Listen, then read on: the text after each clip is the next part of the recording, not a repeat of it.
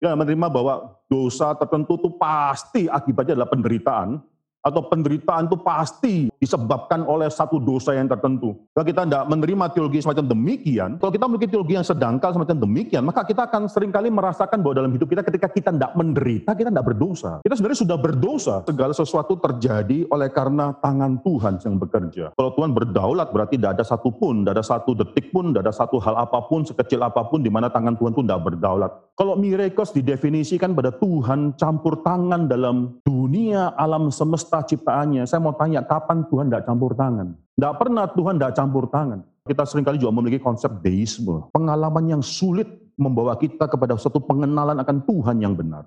Paling membentuk kita itu adalah kesulitan hidup kita.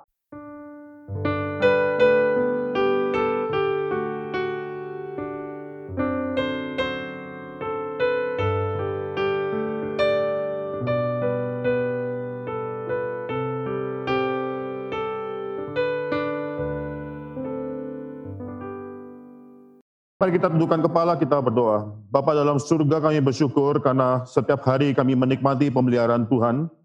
Tidak ada satupun hari yang kami lewati tanpa kami mengerti bahwa ada pemeliharaan Tuhan dalam hidup kami.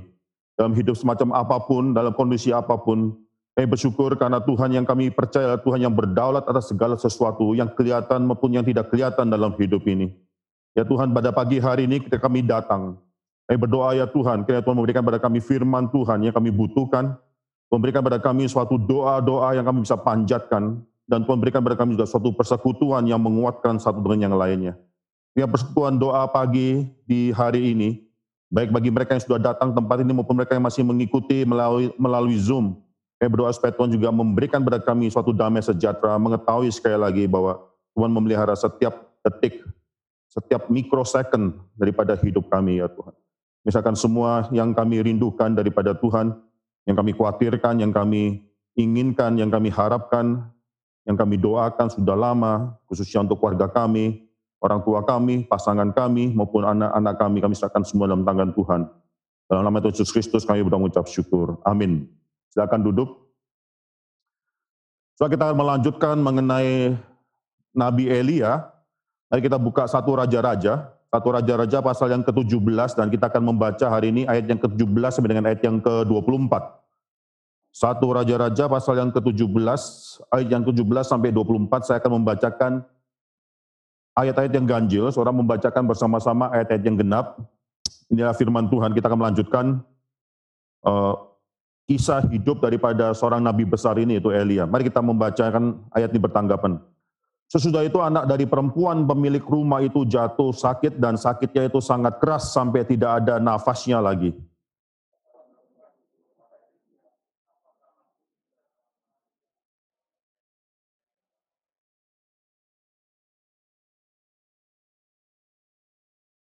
Kata Elia kepadanya, berikanlah anakmu itu kepadaku. Elia mengambilnya dari pangkuan perempuan itu dan membawanya naik ke kamar ke kamarnya di atas dan membaringkan anak itu di tempat tidurnya.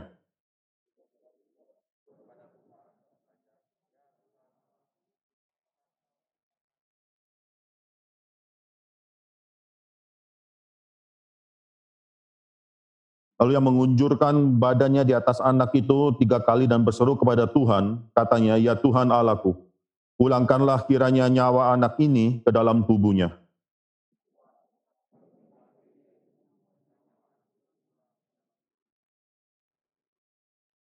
Elia mengambil anak itu yang membawanya turun ke dari kamar atas ke dalam rumah dan memberikannya kepada ibunya. Kata Elia, ini anakmu, ia sudah hidup.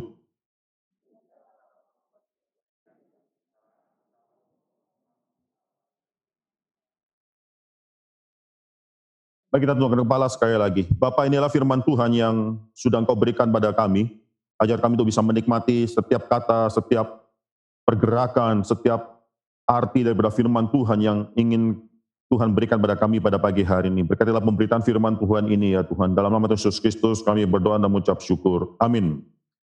Terus sekali lagi ketika saudara lihat dalam Elia uh, dalam satu Raja pasal 17, Elia seorang yang tidak tahu dari mana asalnya, Gak ada yang mengerti dia berapa besar sebelumnya. Sampai pada ayat pasal 17 ini baru kita mengenal ada satu figur namanya Elia.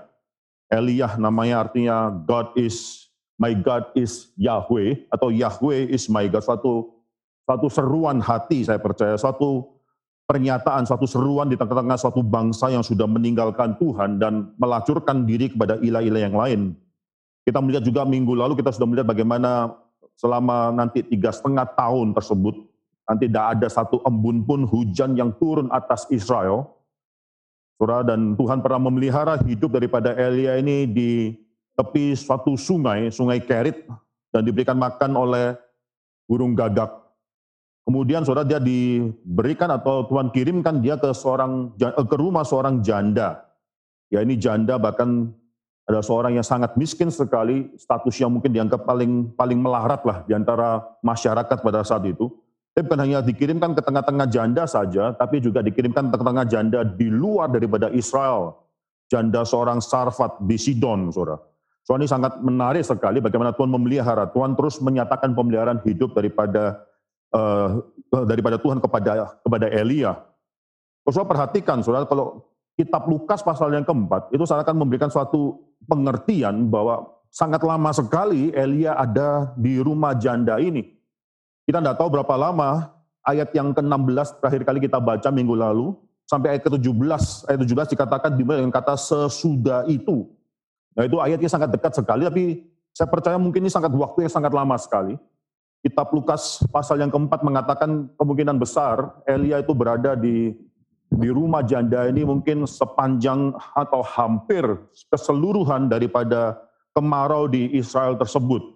Sangat lama sekali, kita tidak tahu berapa lama Elia dipelihara oleh Tuhan di tepi sungai Kerit, berapa lama dia akan dipelihara oleh Tuhan di rumah janda tersebut, tapi sangat lama sekali, saudara. Kalau bisa melihat bagaimana itu namanya minyak ya sama adonan tersebut tepung itu itu tidak pernah habis-habis untuk waktu yang demikian lama. Sebentar lagi sudah dalam satu Raja pasal 18 minggu lalu eh, minggu depan kita akan membacanya. Itu akan disusul dengan bagaimana nanti ada suatu perperangan, peperangan rohani di Gunung Karmel, Saudara. Satu Raja pasal 18 nanti setelah suatu renewal terjadi atas seluruh bangsa tersebut ini mungkin akhir ya akhir dalam tahun yang ketiga setengah tahun tersebut nanti hujan akan turun setelah itu saudara. Kita kembali dalam satu Raja pasal yang ke-17 yang ke-17 ini, Alkitab hanya mengatakan di sini sesudah itu, ya sesudah itu. Ini jangka waktu yang sangat panjang sekali kita bisa menyatakan atau memikirkan ini mungkin paling sedikit mungkin ya tiga tahun, kira-kira tiga tahunan, saudara. Sesudah itu dikatakan di sini anak daripada perempuan pemilik rumah itu jatuh sakit dan sakit itu sangat keras sampai tidak ada nafasnya lagi. Ada orang-orang yang mengatakan bahwa ini adalah perikop berbeda yang bicara mengenai perempuan yang berbeda. Bukan perempuan janda sarfat itu lagi, tapi ini tetap adalah seorang janda dan alasan mengapa ada sebagian orang yang mengatakan ini adalah satu perempuan yang berbeda adalah karena mungkin ada kalimat di mana perempuan dikatakan pemilik rumah atau ya perempuan pemilik rumah. Jadi seakan ini adalah orang yang mungkin sudah berbeda, mungkin atau dalam bahasa Inggrisnya mistress of the house. Dia adalah orang yang daripada istri yang memiliki rumah tersebut, saudara. Saudara saya percaya ini adalah seorang janda yang sama, saudara. Ya, eh, kemungkinan sangat kemungkinan sekali milik, eh, kalau memiliki rumah belum tentu adalah orang yang sangat kaya raya pada saat itu. Ya mungkin aja rumahnya adalah rumah yang sangat sederhana sekali.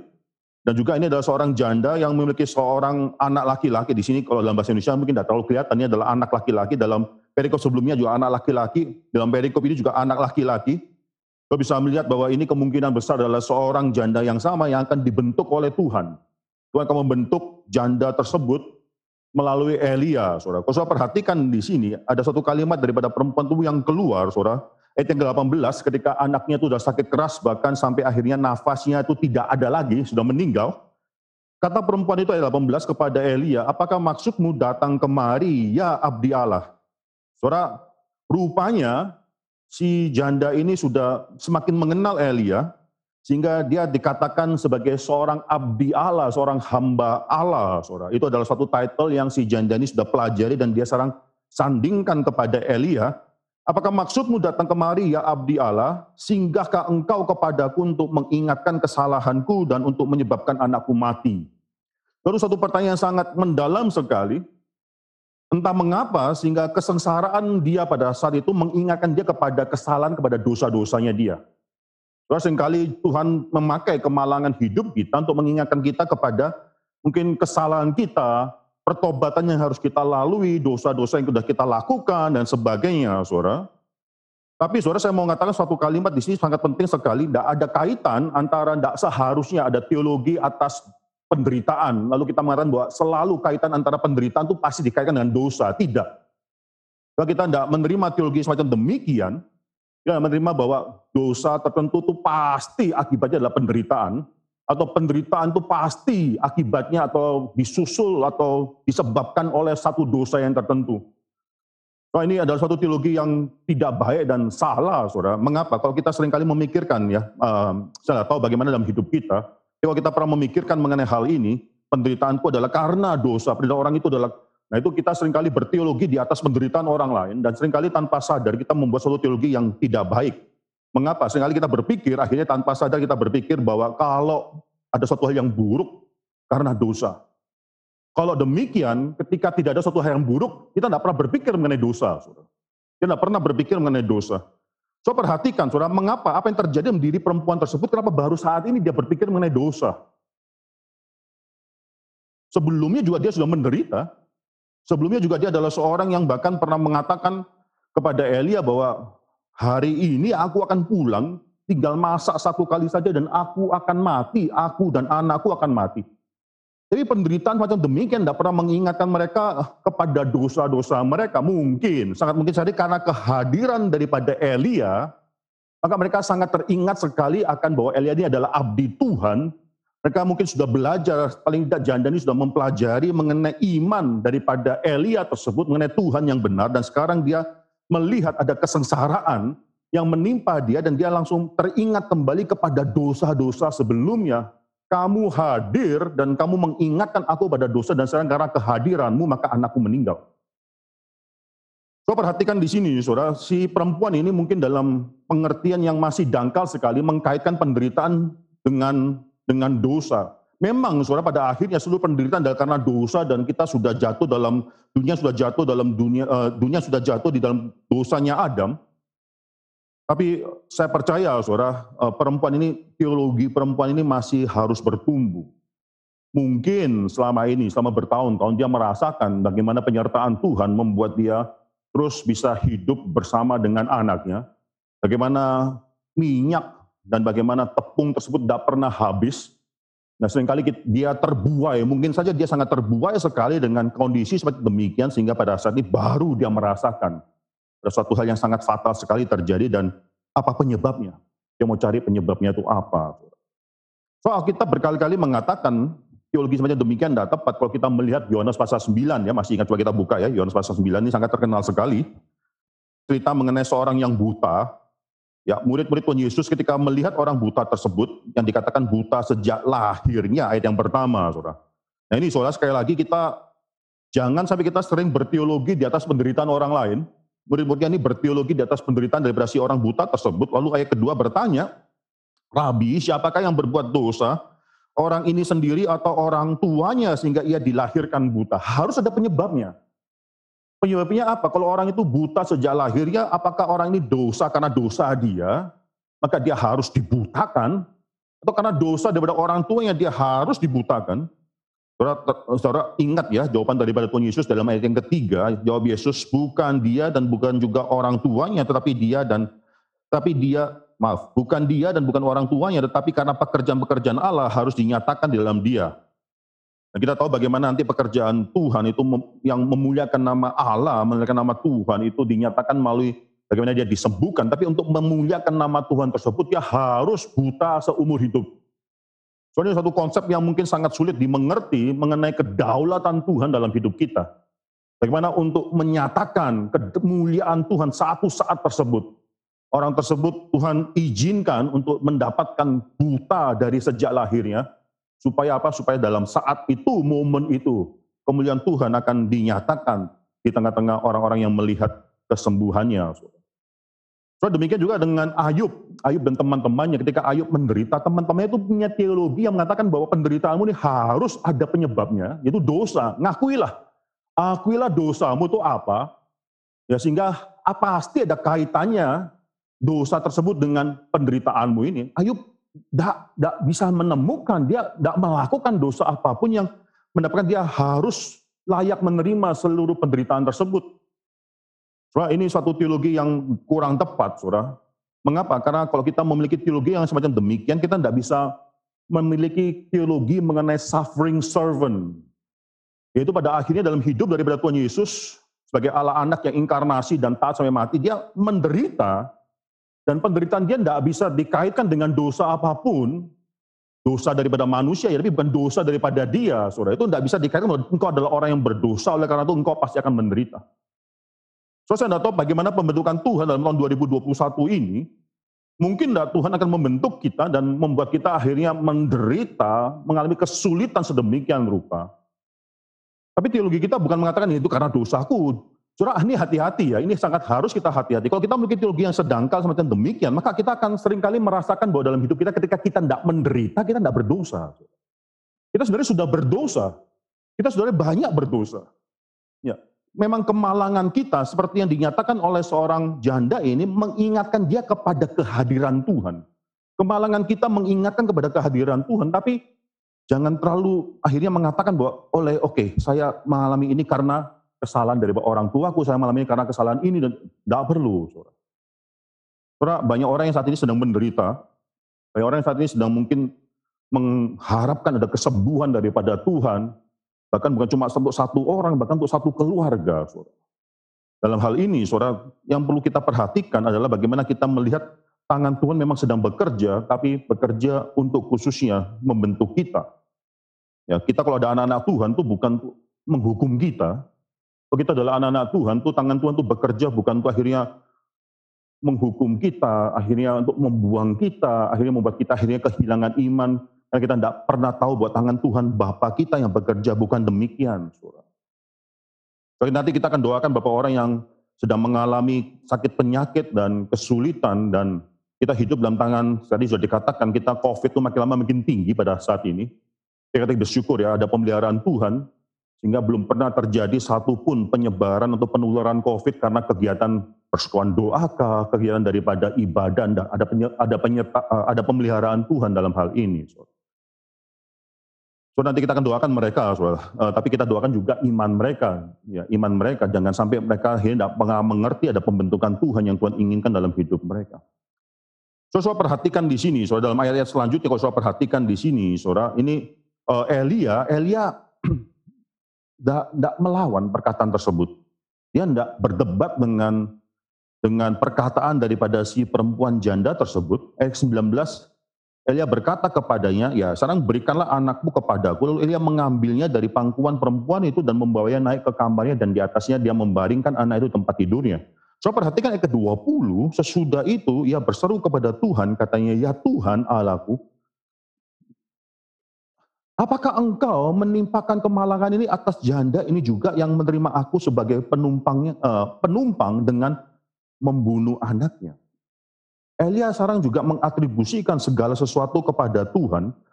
Belum tentu harus karena dosa tertentu maka dia harus dihukum. Enggak, tapi pada akhirnya Elia mengakui bahwa segala sesuatu terjadi oleh karena tangan Tuhan yang bekerja. Coba perhatikan di sini, saudara. Jadi Elia mengakui bahwa Tuhan itu membunuh anaknya tersebut. Saudara ini suatu pengertian yang sangat indah sekali dalam kondisi yang mungkin tidak indah, tapi paling tidak pengertian ini sangat indah sekali karena mengatakan bahwa dalam segala sesuatu itu tangan Tuhan itu ada di mana-mana. Sekali lagi saudara, kita harus mengingatkan diri kita dan kita harus menghidupi teologi ini bahwa kalau Tuhan berdaulat berarti tidak ada satu pun, tidak ada satu detik pun, tidak ada satu hal apa pun, sekecil apa pun di mana tangan Tuhan itu tidak berdaulat. Kalau kita mendapatkan COVID, yaitu pemeliharaan Tuhan, ya jangan kita berpikir kalau kita sehat baru dipelihara oleh Tuhan. Kalau kita dapat COVID berarti kita dibuang oleh Tuhan. Itu tidak ada doktrin semacam demikian, tidak ada. Saudara. Baik kita sedang berbaring di rumah sakit pun, maupun kita sedang sehat berada di ruangan ini pun, itu semua karena pemeliharaan Tuhan. Nah, saudara, itu sulit untuk akhirnya bisa dihidupi. Saudara. Kalau kita tidak memiliki konsep yang demikian, kalau kita merasakan bahwa ada bagian-bagian tertentu di mana Tuhan tidak berdaulat, itu hidup kita sangat malang sekali. Kalau kita mengalami kesulitan hidup, kita tidak tahu bisa pergi ke siapa. Karena kan Tuhan itu sudah tidak berdaulat, ada oknum lainnya atau ada karena alasan lainnya, ada faith, ada karena hal lainnya yang buat akhirnya kita mengalami kesulitan hidup. Tidak demikian. Saudara saya terus teringat saudara perkataan daripada uh, apa Calvin saudara ya ini indah sekali dan saya rasa kita perlu, saudara, kita perlu untuk akhirnya bukan cuma mengetahui teologi daripada Calvin, tapi juga hidup daripada Calvin, itu perlu dihidupi. So, Calvin terkenal dengan teologi yang mungkin dikatakan dingin tersebut, destinasi lah, penetapan atas segala hal, bahkan Calvin juga percaya double predestination dan seterusnya, saudara. Tapi Calvin mengenal orang yang dengan teologi tersebut, dia tidak mendapatkan spiritualitas dalam hidup dia. Tidak. Seringkali kita memiliki teologi yang benar, tapi spiritualitas kita garing, kering soal di hadapan Tuhan. Kami demikian berbeda, dia mengalami demikian banyak sakit penyakit dalam hidup dia. Ya, ada orang mengatakan bahwa dia sakit ginjal lah, sakit empedu lah, wah banyak sekali sakit penyakit. Bahkan dia berharap satu hal yang simpel ketika dia menikah. Dia menikah bukan dengan seorang yang cantik lah, kaya raya, enggak. Dia menikah dengan seorang gadis yang masih muda, dan dia menikah dengan seorang yang dikatakan yang bisa memelihara dia, karena dia perlu melakukan pekerjaan Tuhan. Jadi dia menikah dengan seorang janda. Saudara ini suatu cerita yang sangat menarik sekali dalam hidup daripada Calvin. Dan ketika akhirnya dia waktu mau mati, saudara itu uh, Theodore Beza itu duduk di samping dia menantikan kata-kata apa yang akan dia katakan. Saudara sangat penting sekali, saudara ketika orang sudah mau mati itu kata-kata terakhir dia itu menyimpulkan khidmat hidup dia apa yang akan dia katakan itu keluar pada kata terakhir.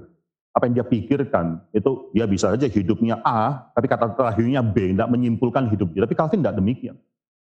Ya, dia dengan sangat rendah hati sekali dia berhadap kepada Tuhan. Dia mengatakan bagaimana dia adalah orang Kristen yang useless. Ya, dia adalah orang yang berdosa yang demikian useless di hadapan Tuhan. Bahwa dia adalah orang yang terus memerlukan belas kasih daripada Tuhan. Injil itu dihidupi sampai akhir hidup daripada Calvin.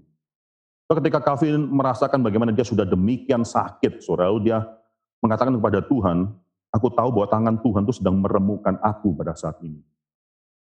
Saudara, ini teologi yang, ya, tangan siapa lagi, saudara, yang kalau bukan tangan Tuhan yang meremukan, tangan siapa lagi?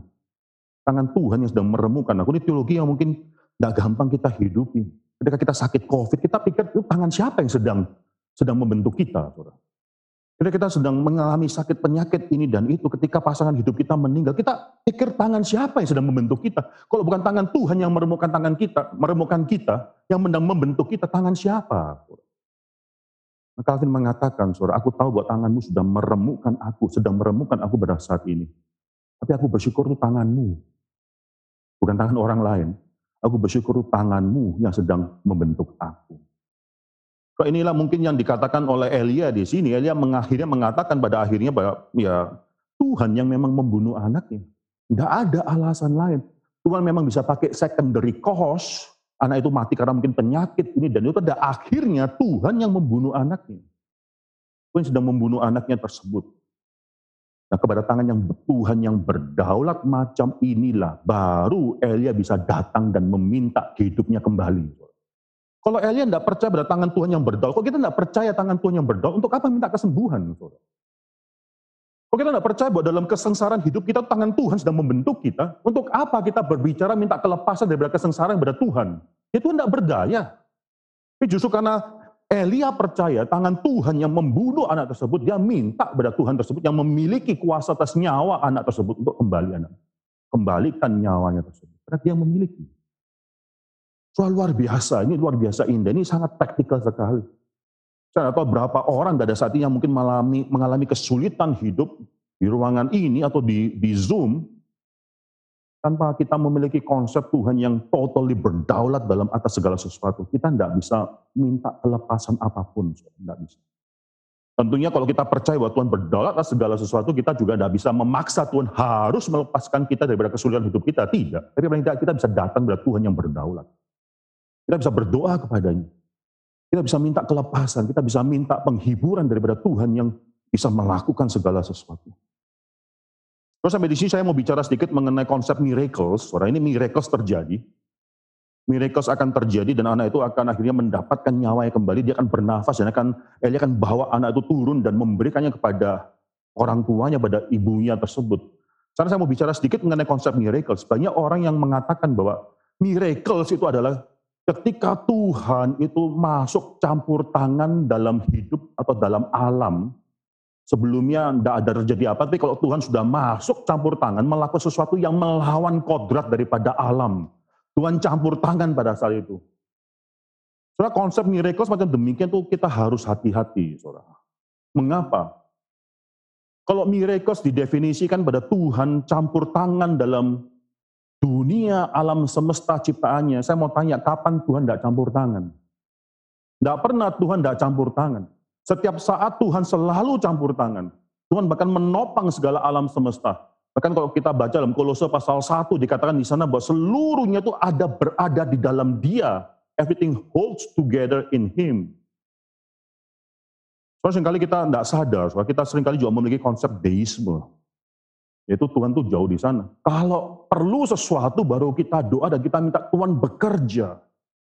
Kalau kita minta pelepasan, baru kita datang Tuhan dan kita minta Tuhan melepaskan segala kesulitan kita. Karena kan Tuhan sekarang baru harus campur tangan.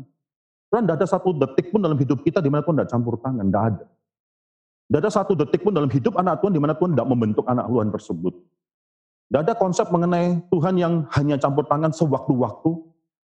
Ketika akhirnya kita meminta Tuhan datang, baru Tuhan datang, tidak ada. Di sini saudara bisa melihat tangan Tuhan itu bagi Elia ada di mana-mana, termasuk juga dalam penderitaan si anak tersebut dalam kematiannya dia. Soal ke-21 yang mengunjurkan badannya di atas anak itu tiga kali, tidak usah ditiru. Ini bukan resep bagaimana membangkitkan seorang yang sudah mati, bukan saudara ya. Tidak usah ditiru saudara, kalau saudara mau tiru bisa tiru gerakannya, tapi saudara nggak ada kuasa daripada Tuhan atas yang sebagaimana Tuhan berikan kepada Elia, beda, beda orang, beda kuasa. Tidak usah ditiru hal ini. Tapi ada orang yang mengatakan bahwa itu adalah suatu hal yang Elia lakukan untuk menyatakan bagaimana orang itu mati, Elia hidup, Elia sedang melakukan gerakan-gerakan yang menyatakan, ayo hidup dan ikutilah gerakanku. Ini bukan resep bagi kita untuk melakukan hal tersebut, itu bukan itu bukan poinnya, saudara ya. Lalu ia mengunjurkan badannya di atas anak itu tiga kali dan berseru kepada Tuhan, katanya, ya Tuhan Allahku, pulangkanlah kiranya nyawa anak ini ke dalam tubuhnya. Tuhan mendengarkan permintaan Elia dan nyawa anak itu pulang ke dalam tubuhnya sehingga ia hidup kembali. Ayat selanjutnya, Elia membawa anak itu turun dan melihat ibunya. Saudara perhatikan, saudara. Elia katakan, ini anakmu ya sudah hidup. Kemudian kata perempuan itu kepada Elia, sekarang aku tahu. Ini pertumbuhan. Ini pertumbuhan. Ada suatu pembentukan daripada Tuhan sehingga sekarang dia tahu siapa Elia. Sebelumnya, kalau saya perhatikan ya, dalam ayat yang ke-12, ya satu Raja pasal 17 ke-12, si perempuan ini memanggil, menjawab demi Tuhan alamu yang hidup. Ya, dia tidak tahu siapa Elia, tapi dia tahu bahwa Elia ini memiliki Tuhan yang berbeda, tapi demi Tuhan alamu yang hidup. Ayat yang ke-18, sekarang dia memanggil Elia sebagai abdi Allah, saudara. Ya, sebagai hamba daripada Allah yang hidup tersebut.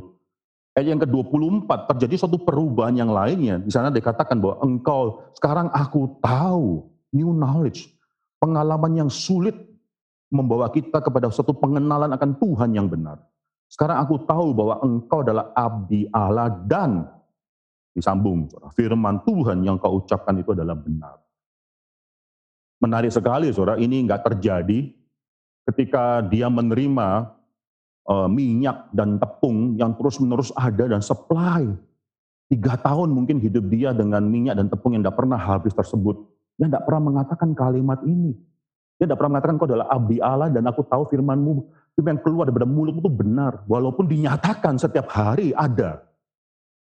Seringkali dalam hidup kita, suara yang membentuk kita, yang paling membentuk kita itu adalah mungkin bahkan kesulitan hidup kita. Dan kesulitan hidup kita, bukan dalam kenikmatan hidup kita, kita dibentuk oleh Tuhan luar biasa.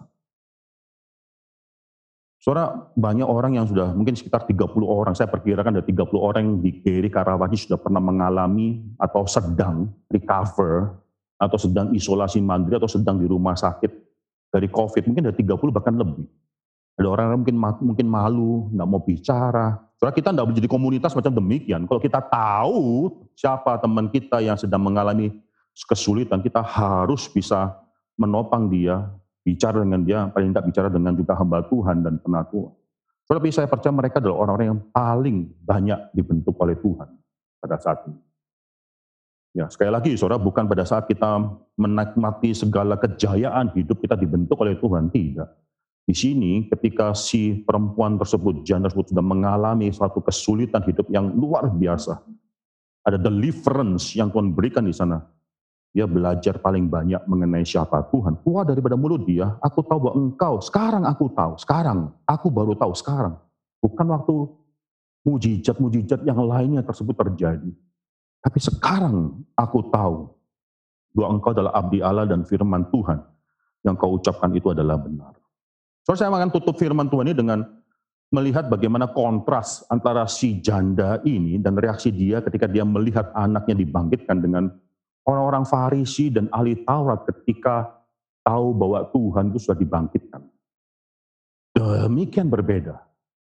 Si ahli Taurat, para ahli Taurat dan orang-orang Farisi tersebut imam-imam besar walaupun mereka seharusnya paling mengenal firman Tuhan.